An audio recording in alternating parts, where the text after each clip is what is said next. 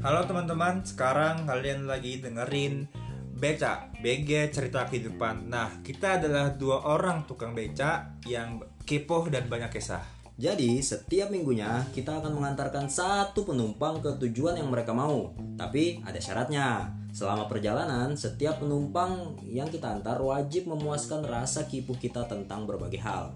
Semoga semua obrolan dan perjalanan kita bersama para penumpang nanti bisa menarik dan bermanfaat untuk kalian dengarkan. Nah, buat teman-teman yang anti dengan kata-kata kasar di setiap obrolan kita, tenang aja. Di podcast ini, semua kata-kata kasar dan hal-hal sensitif akan kita sensor. Seperti misalkan aku bilang, "An- Sensor kan?